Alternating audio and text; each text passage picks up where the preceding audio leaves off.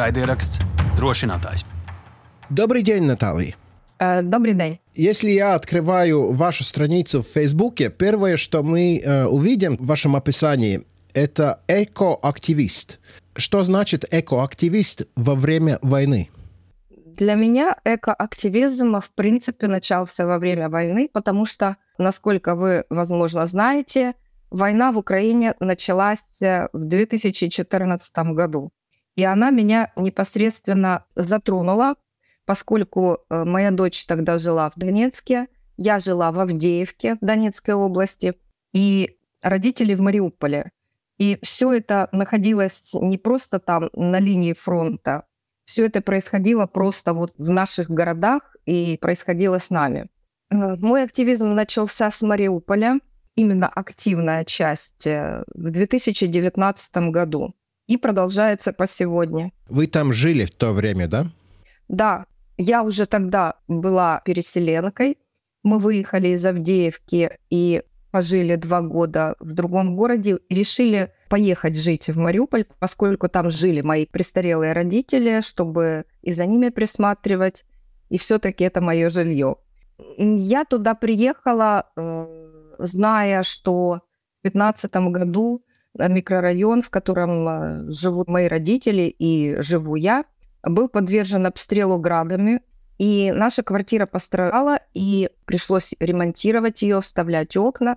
Ну, была рядом линия фронта, Широкина, Новоазовск и так далее. Там э, наши бойцы держали оборону, а мы как-то привыкли вот уже жить, э, свыклись с этим. Ну как свыклись? Мы почти каждый день отдаленно что-то слышали. Отдаленно. Для тех гостей, что приезжали, это был немного шок, а, кто в мирных вообще регионах жил, а для нас это уже была наша ежедневная жизнь. Э, не сказать, что это привычка, настороженность какая-то все равно остается, но э, человек всегда приспосабливается к тому, где он живет, и мы приспособились, мы жили. Полмиллионный город так просто ну, никуда не может выехать и деться. Э, и так стало, что у нас 19 год это была просто всплеск э, экологичной сознательности. Видимо, накопилась э, потребность в этом. И к нам приехали с тренингом друзья, наши коллеги, более уже продвинутые, с одной из харьковских организаций, которые начинали раньше. То есть это как эстафета, которая передается, но подхватывают ее те, для кого это уже созрело, и они готовы этим заниматься, просто вот не знают, с чего начать. Я сейчас сталкиваюсь, что очень многие люди, молодые люди, они очень хотят, просто они не знают, за что хвататься и с чего начать. И вот это был как толчок. 2019 год собралась наша инициативная группа «Мариуполь сортуем». Мы сначала назвались, а затем мы поняли, что мы становимся более профессиональными – и более принципиальными. И мы переназвались в Мариуполь Zero Waste, то есть Мариуполь ноль ветходев. Мы все э, пришли в эту деятельность, потому что нас это волновало. Волновало не в этом году, волновало, в принципе, всю жизнь. Вот такие активные люди собрались, обычные жители города, и как раз в этот момент э, и была создана еще организация, которая работала с переработчиками вторсырья, это Экогурт, и вот мы все вместе решили продвигать эту тему именно в Мариуполе. На тот момент уже была война, но тем не менее, в каких бы то ни было условиях мы ни жили, мы хотели бороться за чистое довкилля. И э, сейчас, когда э, такими страшными темпами началась, просто на нас свалилась эта полномасштабная война, э, хотя мы прекрасно понимали позицию России, при, прекрасно понимали, рядом с кем мы живем, но в такой степени нагло и, игнорируя вообще какие бы то ни было гуманные правила жизни, скажем, на этой земле, нас стали фактически стирать с лица земли, мы этого не ожидали. Поэтому мы жили в нашем городе до самого последнего момента. И когда началась война, мы вынуждены были эвакуироваться. Не то, что вынуждены были, мы просто чудом выехали, потому что сначала мы оказались в облозе, то есть в окружении полном, и полностью без информации, без света, без воды, без ничего абсолютно. И вот когда мы выехали и узнали, что мы, коллеги, э, оказались кто в Украине, кто в других странах, э, нашел свое спасение и нашел притулок, э, мы опять начали собираться, но уже онлайн. Ну, мы решили двигаться дальше. А нет люди, которые на вас смотрят как на сумасшедших, когда вы говорите, вот экология это очень важно. Не говорят вам, ну погодите, нам надо сперва войну выиграть, и тогда будем думать про все остальное. Те, кто говорят, помогите нам сначала надо сделать это, это те самые люди, которые нам говорили, вот вы занимаетесь мусором, а вы бы лучше накрыли, каким, придумали, как э, прекратить выбросы с завода. И мы им отвечали, если вы считаете, что надо заняться выбросами с завода, займитесь этим. Если вы считаете, что надо заниматься гуманитарной помощью, развозить гуманитарку, спасать детей, займитесь этим, пожалуйста. Это тоже очень важно. Мы делаем свое дело и делаем его достаточно хорошо и очень многого добились. И будем его продолжать. Не только ради себя, но и ради вас тоже. Те люди обычно, которые вот так именно насмехаются, они ничего и не делают. А те, кто делают, им просто не до этого. Это подсказывает наш опыт общения с разной аудиторией. Ну а есть такие люди? Конечно, есть. Они есть, они будут. И это, в принципе, нормальный срез общества. И такая реакция была и будет всегда, независимо от войны. Я же говорю, не было активной фазы войны. Жили мы как в мирный час. Мариуполь наращивал просто свой потенциал, развивался очень классными темпами. И мы проводили свою деятельность, и фактически можно было видеть э, то, что мы сделали. То есть это не какая-то там э, ну, просто наши рассуждения, а были фактические, физические достижения, которые можно было вымерить даже в цифрах. И все равно нам говорили то же самое. Ну, расскажите, что получилось сделать?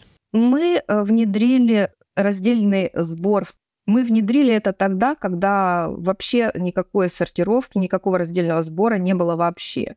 Это объединяются жильцы одного дома, а могут объединиться одного подъезда. Это зависит от того, насколько вот они хотят что-то делать вместе. И вот те, которые уже в принципе готовы, им было предложено взять участь в нашей программе, помогли им создать вот эти маленькие сортировочные станции в их подъездах, в домах чтобы туда э, складывать чистое, отсортированное вторсырье, не то, что на улице валяется не смешанное. Э, и обязательно мы проводили с ними тренинги, проводили просвещение, экопросвиту, э, для того, чтобы люди понимали, для чего это, что это им дает. Они даже имели с этого небольшую экономическую выгоду. Если все вместе собирают весь подъезд, весь дом собирают, и один раз в какой-то период приезжает заготовщик, взвешивает, дает честную свою сумму, и эта сумма идет на благоустройство приусадебного этого участка, который есть у подъезда. Можно сделать небольшой ремонт какой-то, чем-то украсить этот дом или подъезд. И это очень вдохновляло жителей, и была потребность в расширении. Если бы не полномасштабная война, мы бы, наверное, охватили полностью все жилищные объединения города Мариуполь, потому что к этому шло. И без этого что еще? Я, я видел фотографии в одной статье про вас, что вы сделали такие большие типа рыбы на пляже, где можно было пластиковые бутылки э, бросать. Это тоже ваше, да? Да, рыбы это наши. У нас город расположен на побережье Азовского моря, которое мы очень любим. И есть на побережье абсолютно вся инфраструктура, и благоустройство продвигалось, а вот раздельного сбора не было. И понимания того, что вот надо что-то делать, тоже не особо. И мы решили сделать такой яркий проект, чтобы сделать металлические такие качественные скульптуры, которые похожи на сетку, а на самом деле это скульптуры из очень качественного металла с качественной обработкой для долгосрочной установки – на э, всех пляжах нашего города. И на всех пляжах разноцветные вот эти скульптуры были установлены. Рядом был поставлен э, стенд, на котором объяснялось, что туда можно складывать, в каком виде складывать. И что интересно, когда все видно, то есть оно прозрачное, знаете, не закрытые баки, а именно вот все видно, что туда кладут, люди не кидают все подряд. Мы боялись, что там будет так называемая кукуруза, у нас на пляжах любят есть кукурузу и боялись, что это станет э, мусоркой, сметняком. Но этого не произошло, мы очень рады. Это значит, что люди этого ожидали, что им так, это было интересно. Дети с удовольствием кидали туда пэт-бутылки. Даже бабушки подходили и туда складывали аккуратненько. Все, наши рыбы наполнялись пэт-бутылками, а соответствующая служба забирала их и отправляла на переработку. Это было выгодно переработчикам, потому что чистое вторсырье ни с чем не смешанное. И это был вот просветницкий проект, который имеет и практическое решение, и одновременно он учит людей. И наши рыбки в этом очень даже помогали. Я даже знаю, что наши рыбки настолько качественно были сделаны, что они до сих пор в оккупированном городе стоят на берегу и даже не повредились, несмотря на боевые действия. Э, Еще у нас очень много экопросветы было для школьников. Нас и приглашали, и программа была тоже, которая э, поддержала и город. Как раз в 2021 году, перед э, вот этим полномасштабным вторгнением, мы охватили развлекательными уроками, тренингами, какими-то воркшопами для детей и школьников очень большое количество школ и тоже собирались расширяться. Кроме этого, мы занимались сферой гостинности. И там тоже помогли начать наладить вот этот раздельный сбор с гарантированным вывозом на переработку. И потом пришло э, 24 февраля, и это вообще как с ножом было все отрезано. Мы прекрасно понимали, чего стоит Россия, прекрасно понимали, что если она придет, то не будет ничего хорошего. Тем не менее, поскольку полмиллионный город живет, э, и мы э, были частью, скажем вот так вот, э, мы как бы ощущали себя частью вот этой вот городской спильноты.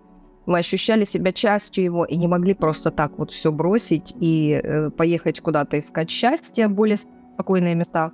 Нам хотелось развивать э, Мариуполь, и мы настолько верим вот в наши, как бы сказать, в нашу правоту, в наши сбройные силы и в правоту вообще нашей страны, что мы не сомневаемся в том, что Мариуполь будет деоккупирован, мы просто живем с верой в это. Мы не знаем, как оно будет дальше, потому что у большинства из нас э, разрушены дома, у кого-то там они сохранились, туда заселились чужие люди, э, оккупанты и те, кто с ними сотрудничает. Все, что связано с Мариуполем, это очень больно. Это очень больно, но мы, несмотря на то, что очень нам это трудно морально переживать, мы все-таки пришли к выводу, что мы э, очень сильно друг друга поддерживаем морально как команду. А когда мы собрались первый раз, мы просто рассказывали, кто как выехал, кто как живет, кто вообще в какой стране. И это просто иногда э, возникает ощущение, что вот он, Мариуполь, э, снова с нами рядом. И рано или поздно он опять станет свободным, хотя он такой израненный и Понятно, что, возможно, будет еще хуже, но вот эта вот вера, скажем так, нас и уверенность как бы в своей правоте нас поддерживает, и то, что мы команда. Мы намерены сделать для своего города в будущем все возможное. А пока мы работаем с какими-то другими там коллегами, муниципалитетами, с другими городами. И в свою очередь мы понимаем, что на нас, как раньше смотрели, мы довольно публичные люди, на нас смотрели и нами вдохновлялись. И вот эта ответственность, возможно, тоже нам не позволяет утонуть вот в этом море горя и держит нас на плаву, э, потому что когда ты понимаешь, что ты вдохновляешь и поддерживаешь очень много людей, просто самим фактом того, что ты не сдался, что ты продолжаешь бороться за вот это, за Украину, за ее будущее, за чистое довкілля – а, это поддерживает не только других людей, но и нас самих. А что сейчас происходит в Мариуполе? Как много вы вообще знаете? У вас там друзья, а, родственники остались какие-то? У меня там никого из близких не осталось. Мы всех, кого могли, вывезли. Я лично вывезла с большим трудом. Это просто наше, иногда наше вот это спасение мы сравниваем с настоящим чудом, хотя мы довольно рациональные люди. У меня было на руках почти неходячие двое престарелых родителей и четверо животных. Это было очень страшно, когда ты понимаешь, что это не просто война, это намеренное уничтожение, истребление. Россияне убивали, бомбили, это было просто ужасно.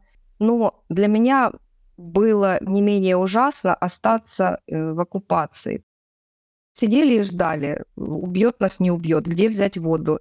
И вот родителей своих престарелых и своих животных я смогла благодаря стечению разных обстоятельств, помощи неожиданных людей, просто каких-то незнакомых, э, я смогла вывести. Я всех своих вывезла, И практически всех э, самых близких и мои коллеги тоже вывезли. То есть мы выехали, мы все самое дорогое сердцу своему вывезли. Даже э, одна кошка, которая осталась у моей коллеги в Мариуполе, ее все равно потом переправили, правда, за большие деньги. То есть мы не оставили там никого, за кем бы нам бы сильно скучали или за кем бы пришлось возвращаться. Но знакомые какие-то там есть. Большинство из них ушло со связи, и связи были потеряны. Мы особо ничего не знали. У нас остались э, что-то типа, знаете, домовые чаты. Эти чаты были организованы как раз, когда началась полномасштабная война, и э, мы еще не знали, что связи потом вообще не будет. Никакой не будет электричества. Люди объединились в домовые чаты и там делились информацией. И вот в этих домовых чатах после того, как мы выбрались, а люди кто-то не захотел выезжать, кто-то не смог, остались в оккупации. Они делились информацией, вот этой бытовой, каждодневной, потому что там запрещено что-то еще обсуждать. Это очень строго. Все эти домовые чаты курируют россияне.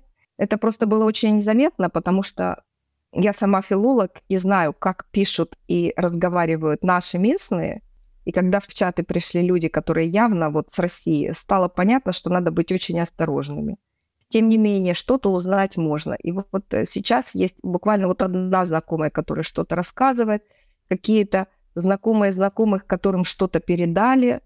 И мы, конечно, просто с недоумением, конечно, смотрим всякие э, репортажи, которые россияне там клепают про наш город, про достижения, э, в кавычках, которые там э, у них есть. И вот это все складывается в определенную картину того, что происходит в городе. То есть что-то мы знаем. А что с вашей квартирой? Моя квартира одна из немногих, которая осталась цела. И в мою квартиру заселились э, строители-узбеки. Они не просто заселились, их кто- кто-то заселил, еще и деньги за это брал. Ну, понятное дело, что когда есть безнаказанность, понимаете, полная безнаказанность, и они знают, что человек не вернется, а возвращаться для меня это еще вопрос такой, ну как, не то, что возвращаться, а даже приехать туда. Я прекрасно знаю, что с моей позиции у меня все странички открытые, и высказывания очень резкие, а там это все проверяется, и там уже все записаны активные люди в списке.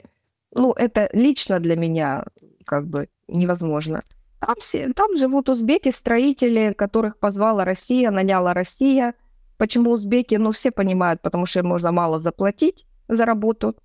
У моих коллег э, разбиты квартиры, то есть уничтож... у кого-то уничтожен дом полностью, у кого-то разбита квартира, у кого-то точно так же хотят отобрать и заселиться. Вот таким образом.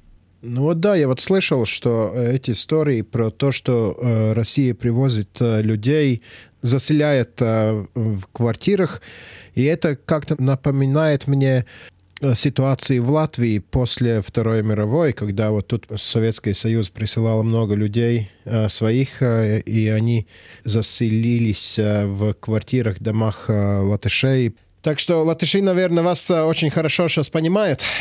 И это еще раз подтверждает, что ничего нового Россия не делает, что как э, был Советский Союз, э, они совершали свои преступления на уровне просто вот международном, так и продолжают.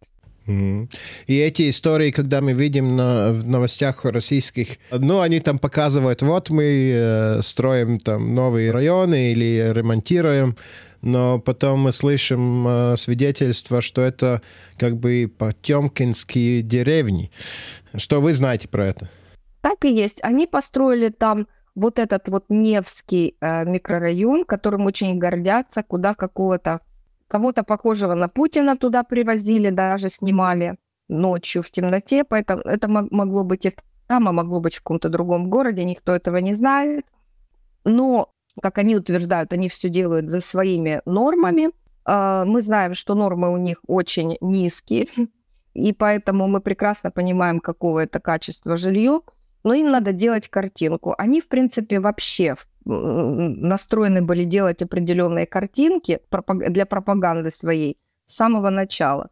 Самое первое, что приехало в разбомбленный город, когда он был уже оккупирован, Самое первое, люди выползают, просто люди пришибленные, грязные, немытые, без воды, без еды, без тепла, без света выходят э, ну, наружу, скажем так, из домов, а на улице города заезжает большой микроавтобус, и э, к нему приделан огромный экран, с которого э, вещают и показывают всякую пропагандистскую российскую вот эту вот э, программу.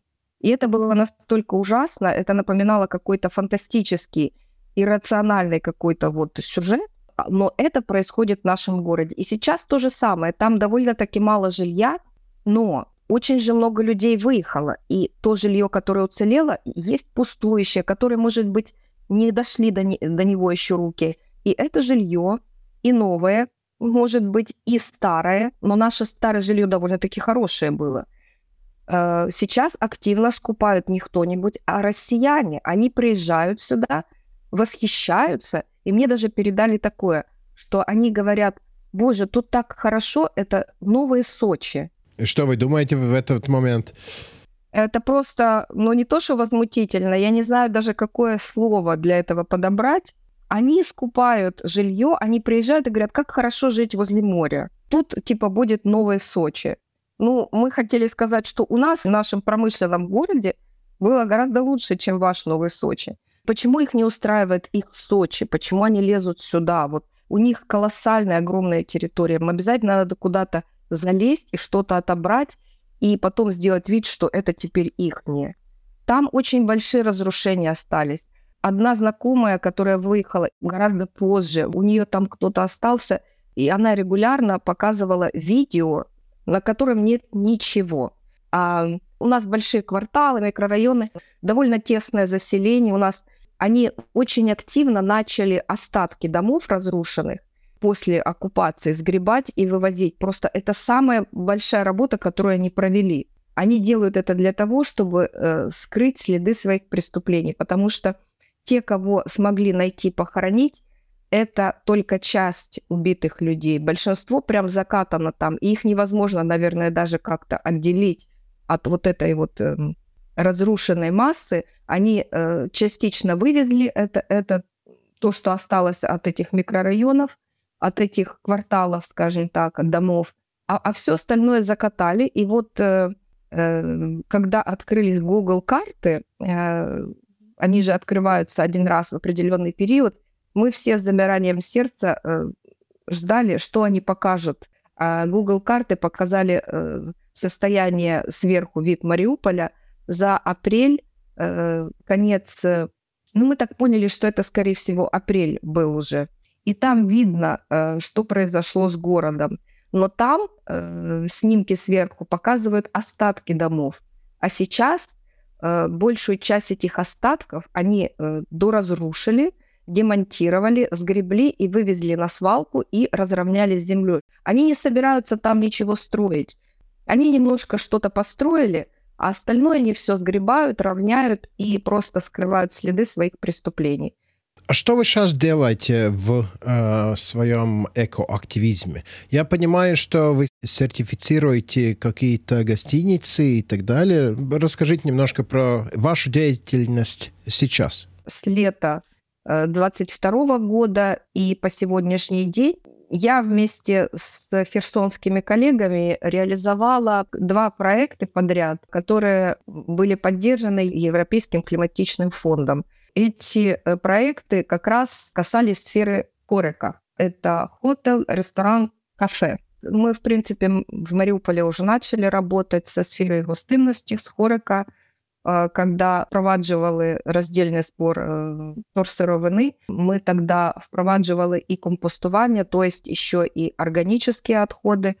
Ну, вообще наша цель – это предупредить появление этих загрязнений, предупредить появление отходов, сделать так, чтобы они не образовывались, а не только потом с последствиями бороться в виде сортировки и так далее. И вот мы провели большую и просветительскую работу с учреждениями гостиности. У нас было в первом потоке три пилотных заклады гостинности, с которыми мы работали непосредственно. И, и до этого еще была аналитическая работа проведена, э, исследованы законодательные аспекты, а, чтобы меньше влиять на изменение климата, скажем так, и компенсировать э, свой э, углеродный след, чтобы вообще в целом улучшить в этом смысле сферу гостиности, сферу туризма, хорика. То есть вот на это мы, скажем так, замахнулись. И во втором потоке, уже в 23-м, в этом году, мы очень такой широкий проект реализовали. Мы провели тренинги для 40 закладов с разных регионов Украины, которые отбирались на конкурсной основе. И эти тренинги были как бы с тестами, то есть мы проверяли э, потом, что они усвоили, э, какой у них прогресс. И потом у нас был еще конкурс, в котором мы отобрали 10 закладов, которые получили, как бы сказать, из этого проекта максимум. Мы к ним приехали, мы провели э, морфологический анализ отходов, а, на основе которого мы для них э, сложили рекомендации, провели консультации для них, как им экологизировать свой бизнес э, для каждого конкретно с учетом их индивидуальных особенностей. То есть э, мы поработали очень активно с каждым из закладов, потому что мы можем советовать и говорить все, что угодно, но до того, пока не проведен морфологический анализ, вот конкретно, например, вот этого заклада, что-то советовать можно только приблизительно. А так мы все посчитали, и исходя из этого, наши рекомендации уже были очень конкретными. Мы помогли закладам составить короткостроковую стратегию вот, экологизации бизнеса и э, наметить долгосрочную.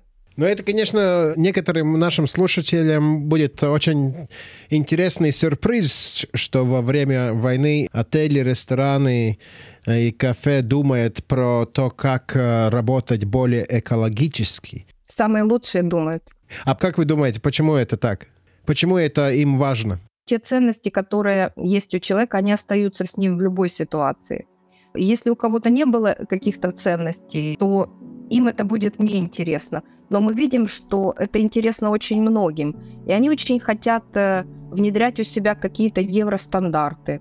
Кстати, мы, когда работали с закладами, мы пришли к выводу, что многие заклады уже что-то начали внедрять, не зная, что это положительно сказывается на обхождение с отходами, на, и, да, и даже э, снижает их климатический след. Мы просто на многое что раскрыли им глаза. У нас все продолжают работать, у нас все расширяются, кто-то перевез свой бизнес, кто-то начал свой бизнес с нуля. Один из закладов – это бизнес, который открыли женщины, которые выехали из Бердянска. Бердянск – это э, небольшой город приморский, который расположен очень близко от Мариуполя. Там тоже 2-3 часа езды от Мариуполя вдоль моря, и вы в Бердянске. Мы тоже туда ездили регулярно. Он сейчас в глубокой оккупации тоже. И вот эти э, женщины, а, они выехали оттуда и э, с нуля основали маленькое кафе, свой бизнес основали во Львове. И они с удовольствием взяли участие в нашей программе. Для них это, вы знаете, для них это не дополнительная трудность. Для них это какое-то движение вперед, какой-то прогресс, какой-то глоток воздуха.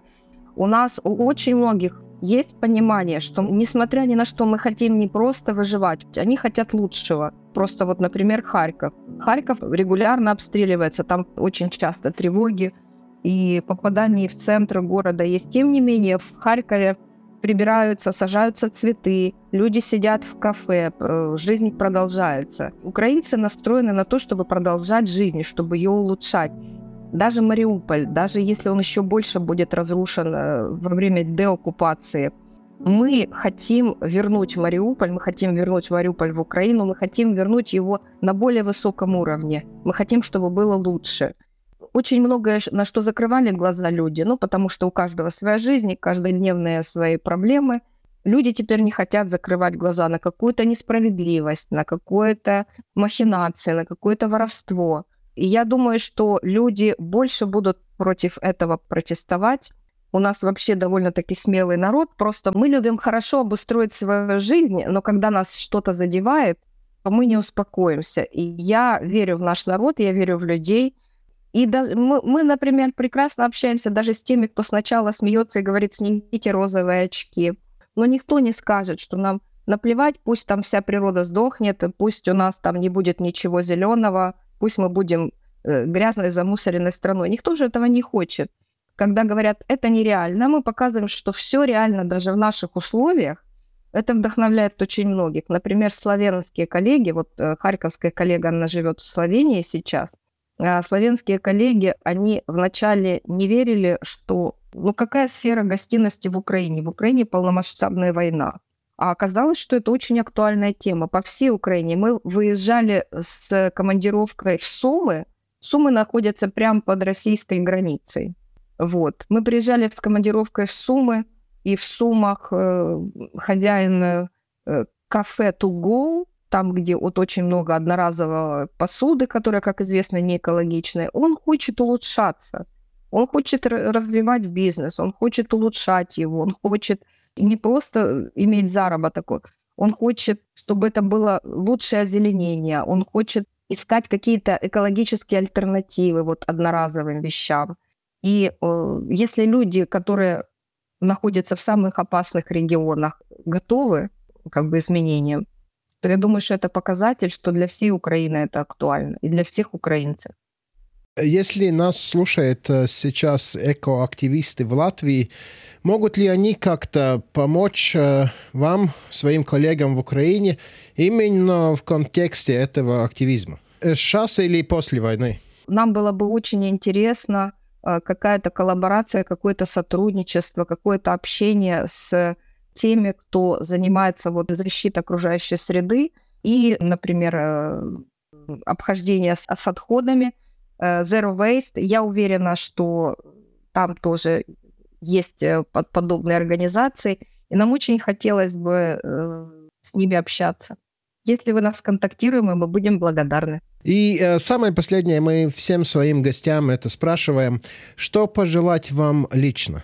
Пожелайте мне много здоровья, чтобы все вытянуть. Пожелайте мне тех людей, которые поддержат мои идеалы и помогут их воплотить, чтобы их было больше в моей жизни.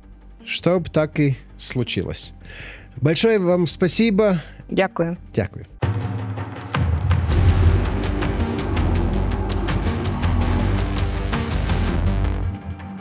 Raidieraksts drošinātājs.